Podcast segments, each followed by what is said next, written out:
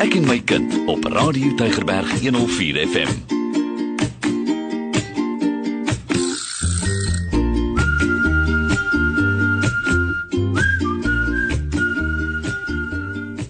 Goeienaand luisteraars.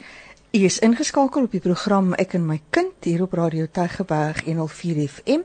Vir die van u wat dalk vir die eerste keer ingeskakel is op die program, dis 'n program wat aangebied word vir ouers, vir gemeenskapslede, vir almal met 'n bemoeienis en 'n betrokkenheid by onderwys en onderwysake binne in ons provinsie. Ons weet ook dat ons het luisteraars wat ingeskakel is via die web en selfs oorseese lande. Baie welkom vir julle ook wat vanaand ingeskakel is by ons. En die ons natuurlik soos elke week ek Sura Swart en saam met my nuwe Goliath. Naand liewe luisters baie welkom. Yes, uh, dit was 'n lang dag Sura nê. 'n Lang en warme dag en uh, ons is nou hier op uh, kwart oor 8 op 'n donderdag aand waar jy ons altyd sal kry. Sit ons nou in ons gesels oor die ding waaroor baie ouers passievol is en dis natuurlik onderwys en die opvoeding en die onderriggewing van kinders in in hierdie land. En ons is baie kritiese plek in ons ontwikkeling veral na COVID-19 waar dit onnodig is om te praat oor sekere dinge. Maar vanaand gaan gaan ons praat met 'n spesiale gas, nee so. En en en hy sit hier aan die punt van die tafel en, en hy's gewoond aan om te sit aan 'n punt van 'n tafel want, want hy hy's mos die hoof van onderwys, nee en dan ons het hom sit gemaak hier aan die punt van die tafel in die ateljee. So ons het meneer Brent Walters, die hoof van onderwys hier in in, in die Weskaap wat saam met ons kuier vanaand en ons is baie dankbaar dat hy die tyd ingeruim het om hier te kan wees en ook aan u wat ingeskakel het om te luister na wat meneer Walters sê. Ons wil vir u sê baie welkom sit gerus naby. Meneer Walters, baie welkom uh, and welcome to to Ek en my kind.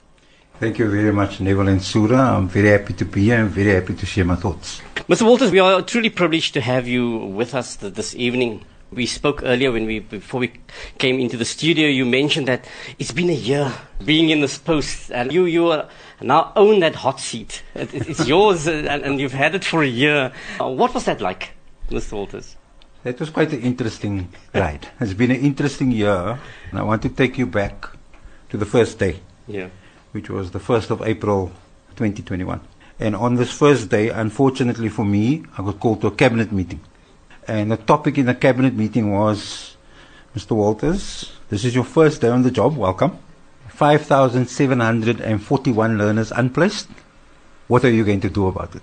Mm. That is how my job started in the WCD. and my answer was, I'm going to place these learners. Yes. because I think leadership is about being brave, it's about being bold, it's about taking a little bit of risk, but also doing the right thing. Hmm. Because obviously we know that learners need to be placed. They need to be placed, they need to have education. So we took that decision, and over time, we've been working on that for the whole year. But I mean, if I should think about the year overall, I mean, we've got increased demand for the service. The Western Cape is a compelling proposition for people across the mm. country. You know, there are two megalithic provinces, Gauteng and the Western Cape. And people gravitate towards these two provinces. And we in education, we're on the receiving end of that. Because as people come to us, they come for services. And most people, families have children, and children need a school. So we feel that. We feel that first. So I think that's my one impression. Uh, ever growing demand, ever growing system. I think my second second uh, feeling about the year is COVID nineteen.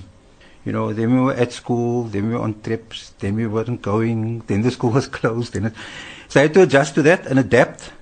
And I had the simple idea that let's push for the vaccinations, get everybody vaccinated, and back into the classroom. But of course, the COVID 19 had other ideas, and that unfortunately coincided with the third wave. And then we went down, we were about to go back, then we had the fourth wave, and then it was holiday. So that's my sort of next sort of feeling about the year COVID 19, vaccinations. I think the other thing about the year that, uh, in the past year that is just sort of, that I've thought about is learning losses, you know. I'm an educator by profession, as of course you know. And I do believe that contact time is very important for children. Very, very important. In the classroom, you need the contact time. And so as we had these rotational timetables, I did think, sure. I mean, I wonder what this is actually doing. So learning losses is the top of my mind and what are we going to do about learning losses? And then of course, as the year went on, in this part of the year now, we had the op- reopening of schools and the full return of learners. But we also had the National Senior Certificate exam results, which was a pleasant surprise. Hmm. A pleasant surprise. And you, you know what I think? We'll talk about that probably. Yeah. But what I think is, because those grade 12s had an uninterrupted year, basically with maybe a week and a half disruption, it actually helped them. That consistency helped them. So that's my reflection. It's a very busy job. It's exciting. It's got lots of elements. You've got to think on your feet. Yeah. Uh, you've got to be available to people. The system is extremely large. We have uh, 43,000 employees. 43,000. Of which 3,000 are in offices and 40,000 are in schools In classrooms. Hmm. in classrooms, in classrooms, and maybe some of them are groundsmen and mm, o- other Support staff. categories of work, Yeah. support staff, and so on, doing things. If you look at, and we've got 19,000 teacher assistants also inside the system. This is a large system. So exciting, large. Very happy to be here. After one year, I'm, st- I'm more excited than when I began, and really up for the challenge. For the past about five years, we've now become used to the slogan and the theme of the year that's driving WCD, the whole values in, in education and the Transform to Perform project. And in the end, accomplish the vision of the quality education for every learner in every classroom, in every school. But now, as you've indicated, COVID came in between. And I think the theme of this year has a lot to do with, and what we now need is resilient people. For our listeners, the theme of this year is 2022, the year of learning, leadership driving resilience. And I think that is utmost what we are needing in our schools, that people would now become resilient.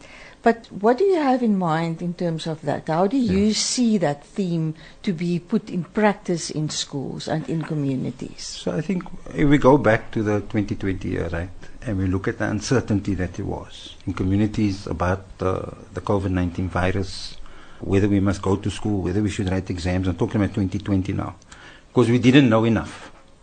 Because we didn't know enough, we were very uncertain. Then we were doing this in the sector, then we were doing that. It was a little bit incoherent in 2020. Uh, some of the decisions we had to push through. And when you look at that 2020 year, I think people were scared. If I look at, if I take everything into account, they were scared. Then we started to say, okay, how can we manage this? So we had the rotation, we looked at the rotation, uh, rotation worked, we sort of kept the infection rate down, we had all our screening activities, isolation activities, and so on.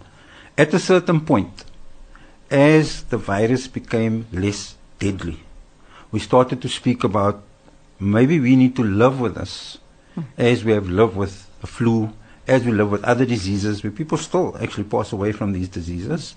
But in general, you, you tend to manage it as a, as a system. And so, therefore, we started to say, well, given the fact that people are fearful, this is how we came to this. Given the fact that people are fearful, what confidence do we, do we need to give them to be able to actually go to school every day, attend their lessons, uh, teach every day, and so on? And we came up with this concept of resilience.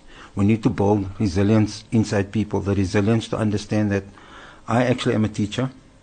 Okay, this is not to the teachers. I am a teacher. I chose this job because I wanted to be a person who gives of myself to give to others. It's a sacrifice when you when you decide. You know, teaching. I always say, teaching is not just a job. Those who treat it just as a job, they're probably not as effective as those who decide, ah, this is my passion, this is my vocation. I actually want to help children. And so, in those, in all of those those teachers, bearing in mind that they face very many difficulties, we wanted to make sure that they are resilient. And one of the things we said is, taking that idea, they need to show leadership. Principals need to show leadership in their schools, show that resilience. The teachers need to show resilience in front of their classroom, and the students will then copy it. But we also said next year, if we go back, which is now this year, it will be a year of learning because learning has been lost. Time has been lost. Yeah. Learning has been lost. So we took these two concepts, put them together, and said, well, it's a year of learning. We're back at school. Let us learn, but let us uh, drive resilience. I mean, I think the one issue there is that, you know, in education, when you build resilience, the big issue is consistency. I am a math teacher by profession. I know about repetition. I know that some uh, new theories in education mm. sometimes they don't like repetition. But if you look at successful cultures around the world, repetition is the center of the culture.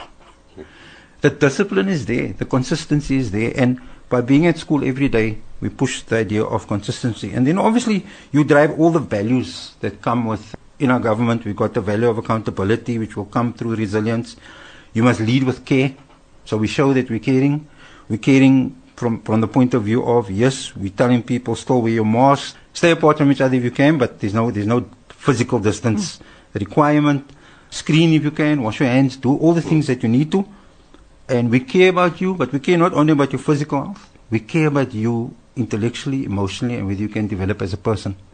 And so we show that compassion, I think, of care in the year of learning to develop resilience. And I think, if I think about it overall, right, I mean, the education system is quite resilient in that, and people are quite resilient, and teachers have been mm. innovative. Mm in some of the things they've come up with yes, yes. over these past two years to show their resilience. These are the things that we want to promote for the year of learning and leadership through resilience. At the time now, we may have to go back, right? What you didn't see in the background is principals also were scared, and rightly so, mm. because they had been dealing with, you know, half the size of the school. Now suddenly, what's going to happen when everybody comes back? And I remember that weekend before we went back, few of them mm. flurry of emails and SG, don't you think we must do this? And don't you think? And people were a little bit scared. And I, my only consistent message was, guys, this is a time to show leadership. Leadership to our students, leadership to our parents, mm. and leadership to our community. Leadership to our community. And that's what we did. Mm. And we are back, warts and all, with all its problems. But at least we know our children now are getting the contact time. Obviously, as we go on, it's like, you know, I'm a mathematician by training. You're taught to solve a problem and then you refine the solution. Because if you try and refine the solution from the beginning, maybe you never ever get to any answer. But mm. so we bo- we've gone back. Yeah. We're back there together now. Now we must start saying, okay, what's the quality of that?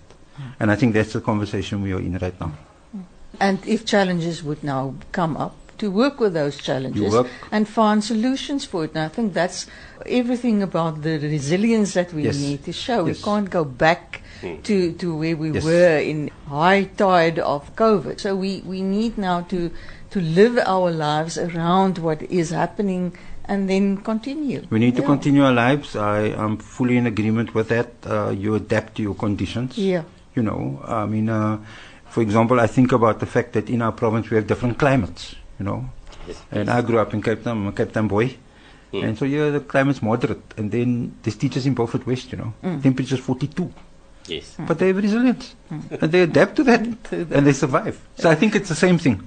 We've got the climate that perhaps changes, but we need to just make sure that we, in those classrooms, uh, teaching, doing the best we can, and giving our children the best chance. That's really what teaching is about. Mm. Giving people that opportunity. You can't do it for the child, but what you do is provide the platform for the child to take, actually take that step up. That's really what I think the year of learning leadership for resilience is about. Mm. And I, th- I think also our, our, teachers and our learners, if if we think what we have overcome, and, and that we hear, I, I, think that that should make them believe in themselves and and the skills, the skills that they've developed, and also the potential that they have to overcome difficult times. So we can go you know, on. You know, Surah, you, you raise a very important thing now because, you know, as I said before on the line, you know, I'm repeating myself as a good teacher.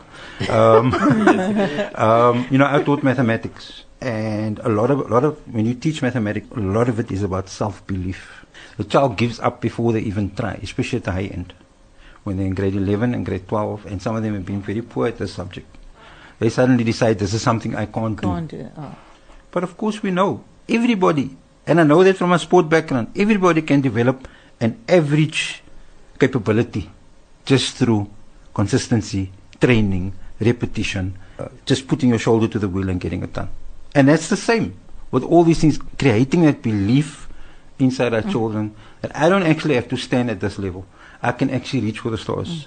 That's really what education is about. It's really about creating that passion inside mm. them and igniting something.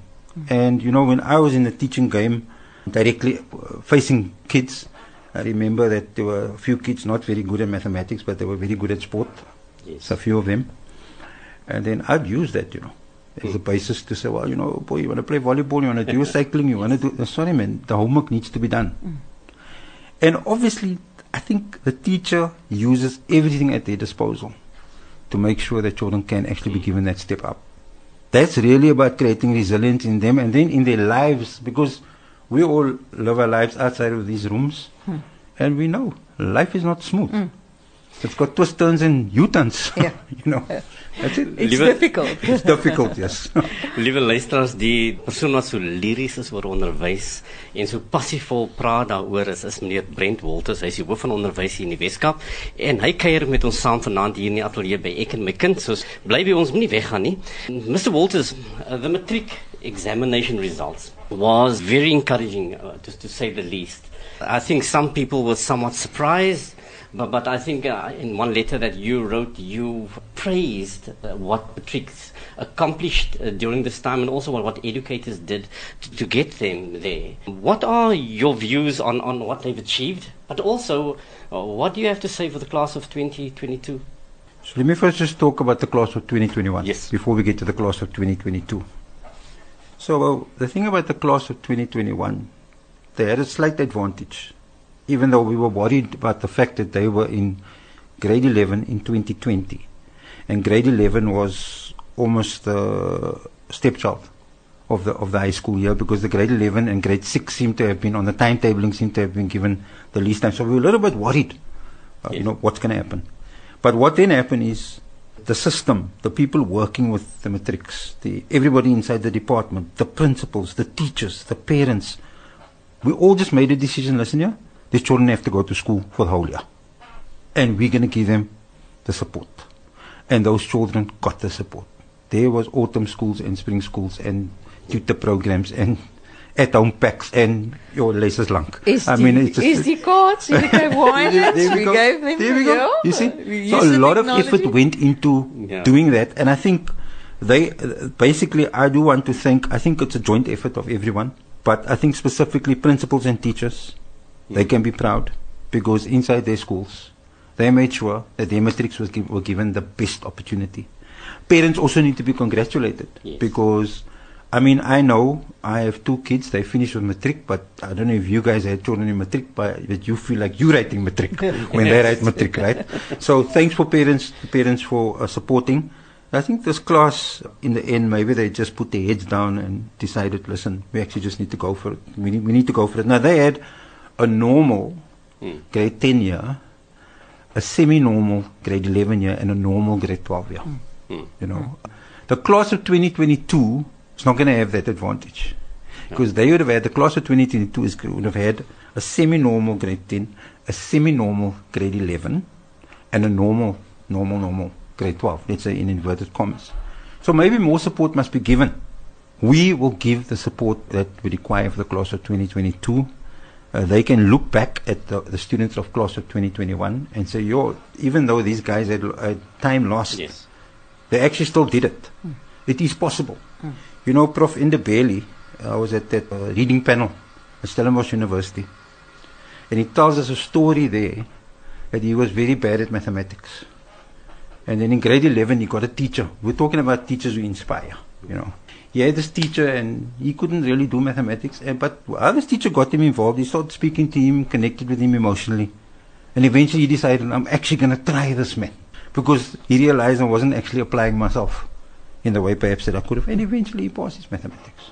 Just from that issue of the hmm. teacher. So in the end, I think it's about the emotional well-being of our students, creating that platform for them. They feel safe, they feel supported, they feel loved. Mm. they feel loved, and therefore they feel, well, let me put my best foot forward. And you know, in a, in a sport world, you see it as well. You know, it is possible to take anyone and give them average ability in something.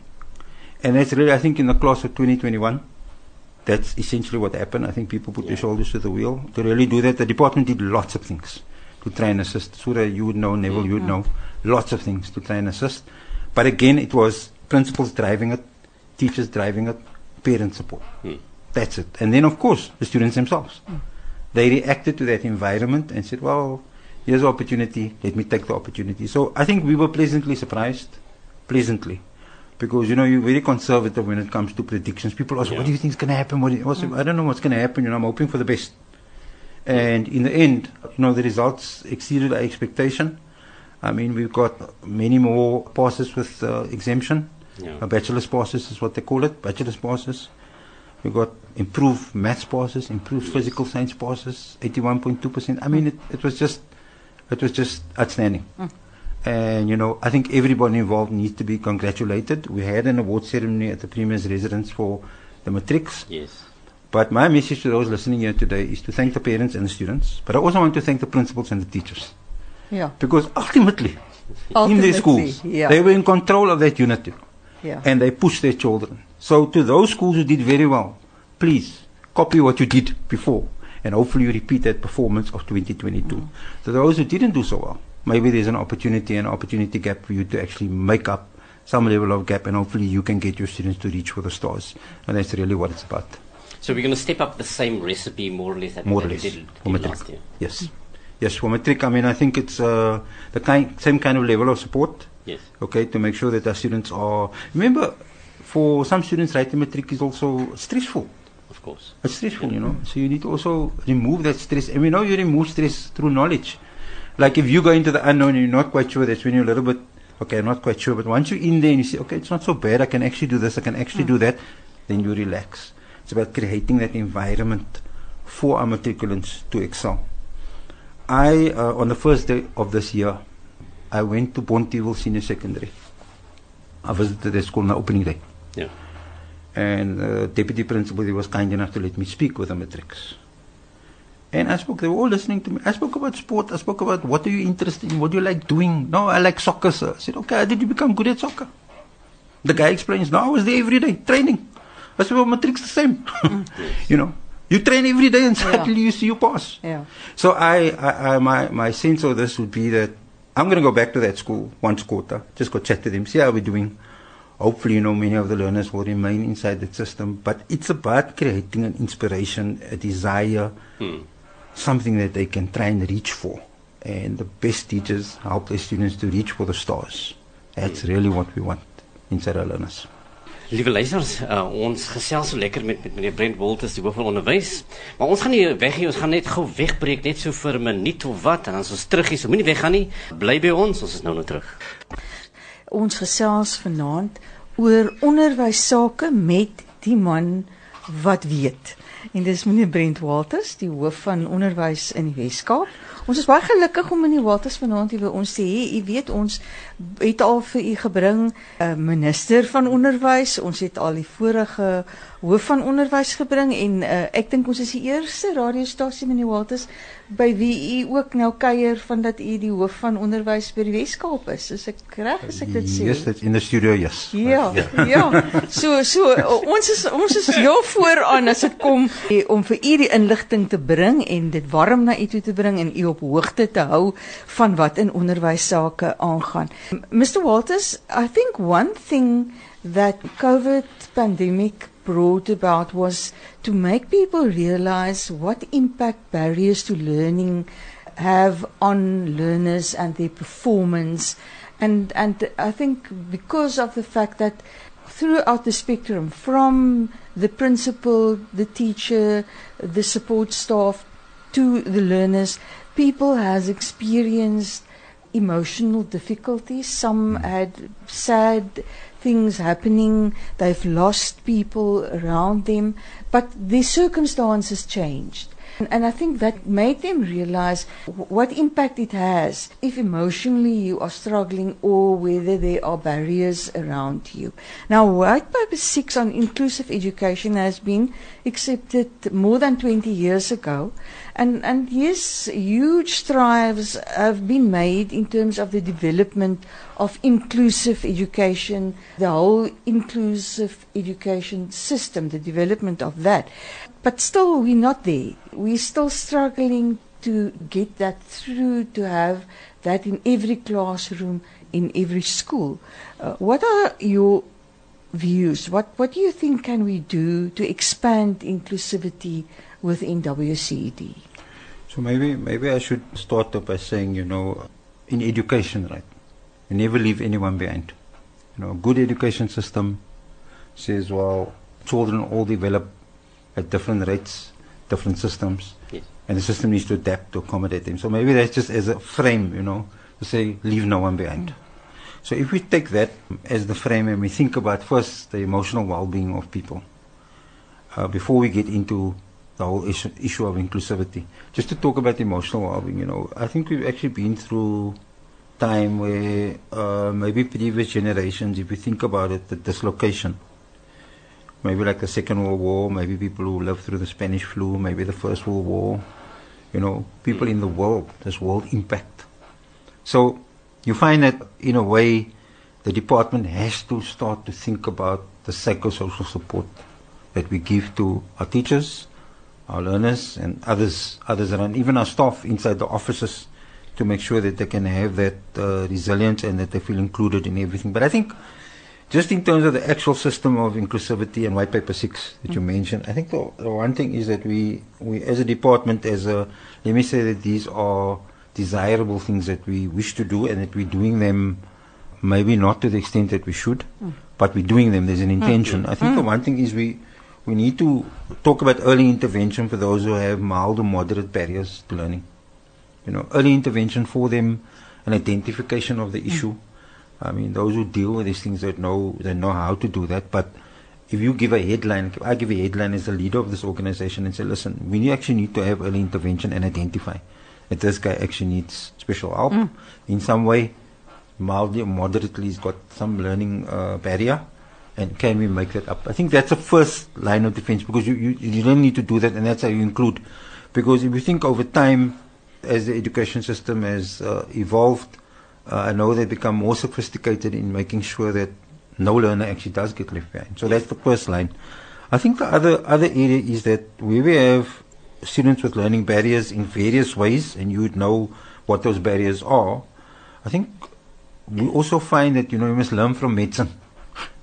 You know how medicine works is like this. You're in a car accident, right? And then the ambulance picks you up, right? But now you got your leg is bleeding and your arm is broken. You you got your neck cut here, but then you also got a bump on your head. They put you in that emergency theater, right? They look at you and they start saying, Well, okay, there's seven things wrong with this guy. What are we gonna do first? And they cooperate to be able to do that and they do that through a process inside their industry of what I call multidisciplinary teams. People, X-rays, anesthesiologists, and all these other guys, one who's fixing arms, and all these, you know, the big words in, in, in the health department. They have a culture of actually doing that. That we need to transport into our system. So we look at that uh, learner, we see as Neville, and you know these are some of his. Well, this is what he's showing. These are like his symptoms. This is what he's showing. So as a multidisciplinary team, how are we actually going to help Neville? I think that's the that's uh, where the department needs to go. I mean, I think also we need to also consult higher education, and obviously there are also things like rights stakeholders. We have groups of people who look, as you of course know, in education, because it's everyone's business. We do have people who, who um, sort of petition for rights. I think we need to take some of those seriously. I think the most important point is about advocacy for me. Hmm. Advocacy about an attitude about inclusivity. You hmm. know. Are you open? For example, if you take our values as a Western Cape government, one of the values, one of the most important values in my view is the value of care. Care means we leave no one behind. We're open, we're inclusive. We need to be able to do that. Obviously, as you, of course, I'm sure would be the first two people to remind me, we have a big system and resources aren't always available. Yeah. But I think what's important is it's progressive realization of some of these things uh, that I've mentioned inside inside the system. And as we want to go on, we want to progressively realize uh, to make sure that we that we cover all learners. That in the end, every learner feels that they're part of a system receiving quality education, which is our vision statement. Quality education for every learner in every classroom, in every school inside the province. I think that's really our approach uh, would be to sort of think about how we approach inclusive education. I think the one thing about it though is that you're always going to have a situation where you got a resource issue. Now you've got to balance those resources and decide how much should I put into this. I think the department has a well-established section that deals with this, and they drive that. They certainly their voice is heard even by me as the leader. I hear that voice. Mhm. The directors, they always, you know, always speaking for inclusive education. So I think this is something that uh, really uh, is part of what we do as the WCD. Mr. Walters, the WCED or education is a system uh, where there's a lot of diversity. Yes. There's a lot of shades of, of differences, and I think when, when Surah introduced the whole question about inclusive education, Yes. uh, it's exactly that, is that, that all kids don't necessarily learn the Learn the same. Now, now, the WCED has adopted three priority focus strategies or areas. For the listeners who, who's not aware of that, the, the three are the following: is online and blended learning. That's number one. Number two is foundation phase mathematics and languages, focuses on there. And the third one is well-being and psychosocial support. Now, in terms of what you just said and uh, how these three priorities will be uh, put into practice, how will that be done? What is your vision, your uh, approach to that? You mentioned the three priorities. So just to maybe take us back to August of last year as a management team, Hmm. we went away for two days and we said, well, at this point, we're in the second year of COVID, what should our reaction be? The discussion that was dominated, there were two things that were, actually three things that were dominating the discussion. The one part was, hey, there's learning losses. Yeah. You know, we need to respond in some way to learning losses. The other thing that was dominating is that COVID 19 seemed to have sort of almost pushed us into the digital era because we seemed to be having our meetings and our discussions online, hmm. and suddenly this is a whole new world that opened up, and now it's data and we must buy data for the students. That was the second discussion. And the third discussion was around people feel a little bit battered, you know, from all these things that's happening. So we took this discussion, we crystallized it and said, well, these are the three things sort of bothering us. As an education system, if these are the three things bothering us, what can we do? So we started off saying that, you know, all learning, all education, all development, it's based, predicated pedagogically on reading, writing, and calculating at the bottom end. And we decided if we really wanted to fix the system, we need to have a long-term view. And that long-term view for us would be, let's look at what's happening in the foundation phase. And we believe, and I think it, it's a correct belief, uh, from an educational point of view it makes sense, but I think just from a logical point of view, even if you're not in education, if you want to build anything, right, you wouldn't build it from the roof. if you want to build this building we're sitting in, you'd start with a foundation. And as solid as your foundation is, that will determine eventually what structure you uh, potentially can have. If you want to build a 10 story building, you'll have a different foundation as to opposed to if you want to just build a two story building. So we decided foundation phase is very important. And we also decided that after having looked at some of the uh, systemic diagnostic results from the 2019 uh, situation, remember in 2020 we didn't have the systemic diagnostics. We looked at that and said, man, it is clear that if we use that as a starting point and there are learning losses, goodness me, the damage is probably going to be higher. That's what we thought. And said, well, we need to actually put an effort into foundation phase uh, learning. And so therefore it will be things like we give structured reading programs in all the languages. So, uh, you know, people who know a little bit more than me as to, as to the teaching of language. I mean, I know phonics is very important. Uh, I know that, you know, I mean, I think we all know that in education.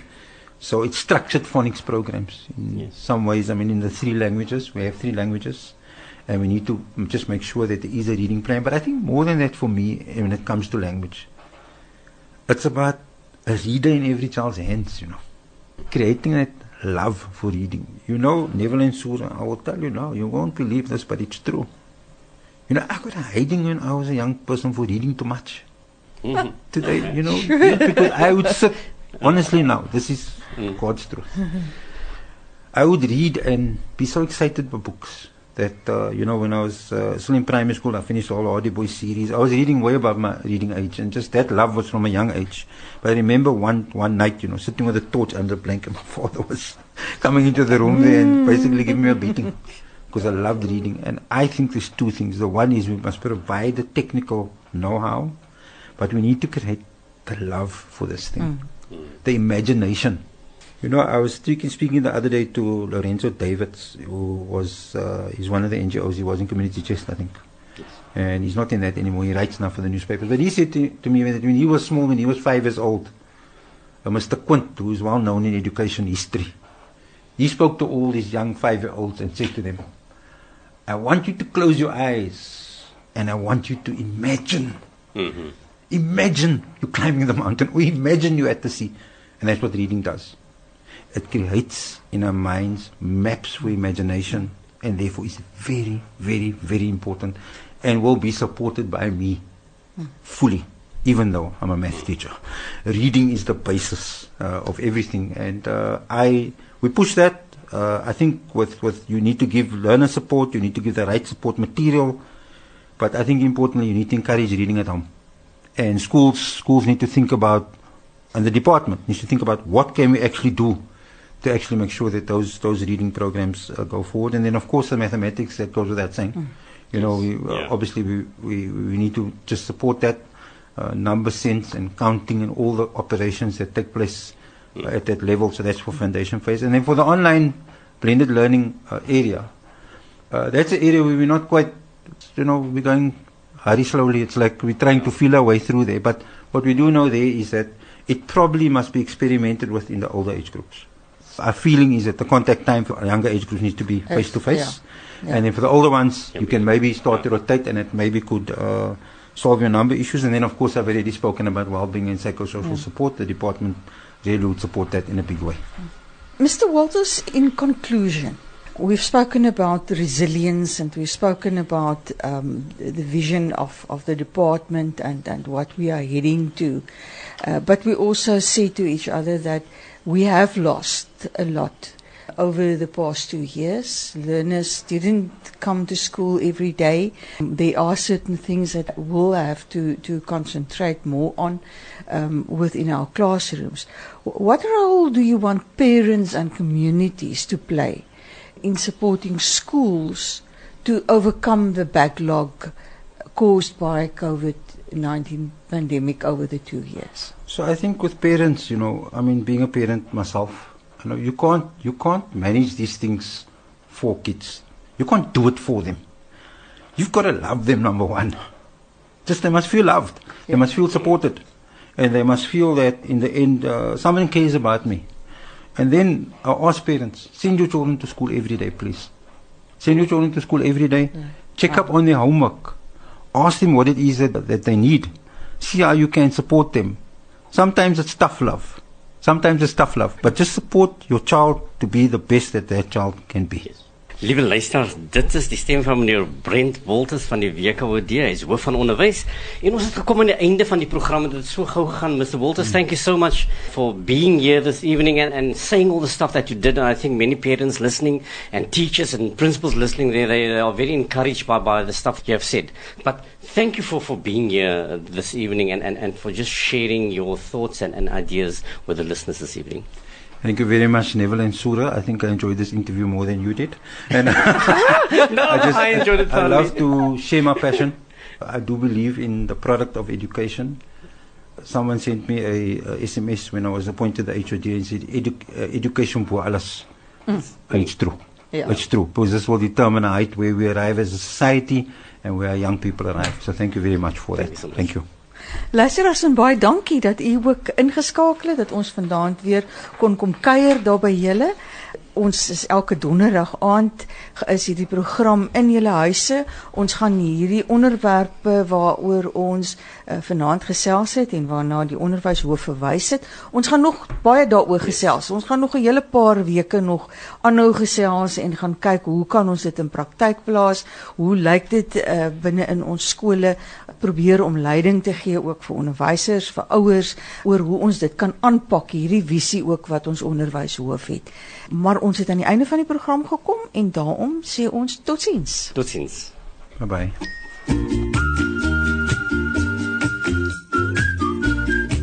Jy het geluister na Ek en my kind op Radio Tygerberg 104 FM.